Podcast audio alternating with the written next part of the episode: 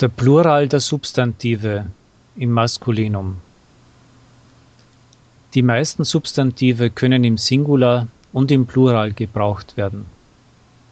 Zur Bildung des Plurals dienen im Deutschen erstens die Suffixe wie e, en, er und s, der Tag, die Tage, das Bild, die Bilder. Zweitens der Umlaut, die Mutter, die Mütter. Und drittens der Artikel, der Lehrer, die Lehrer, das Fenster, die Fenster. In einigen Fällen wirken diese Mittel zusammen, das Buch, die Bücher. Jetzt betrachten wir näher die Pluralbildung der Substantive von verschiedenen Geschlechtern. Zunächst die Pluralbildung der Maskulina. Die meisten Maskulina bilden den Plural mit Hilfe des Suffixes e. Der Tisch, die Tische. Der Freund, die Freunde. Der Weg, die Wege. Viele Maskulina mit den Stammvokalen a, o, u und au haben dabei den Umlaut. Der Baum, die Bäume. Der Sohn, die Söhne. Der Stuhl, die Stühle. Aber es gibt auch einige Substantive mit a, o, u, au, die keinen Umlaut bekommen. Der Tag, die Tage, der Hund, die Hunde, der Monat, die Monate. Einige Substantive der Maskulina haben im Plural die Suffixe n oder en.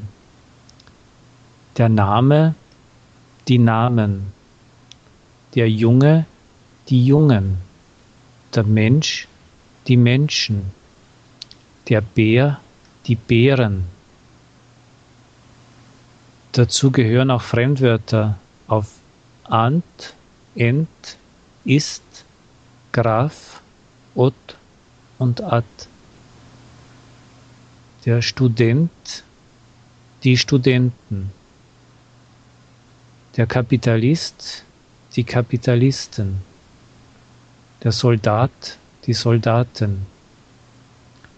In den Fremdwörtern auf or fällt die Betonung im Plural auf dieses Suffix. Der Professor, die Professoren. Bei den Fremdwörtern auf Ismus und us wird das Suffix en an die Wurzel angeschlossen. Der Russizismus, die Russizismen. Der Typus, die Typen. Nur wenige Maskulina bekommen im Plural das Suffix er und den Umlaut der Vokale a, o, u und au. Der Mann, die Männer.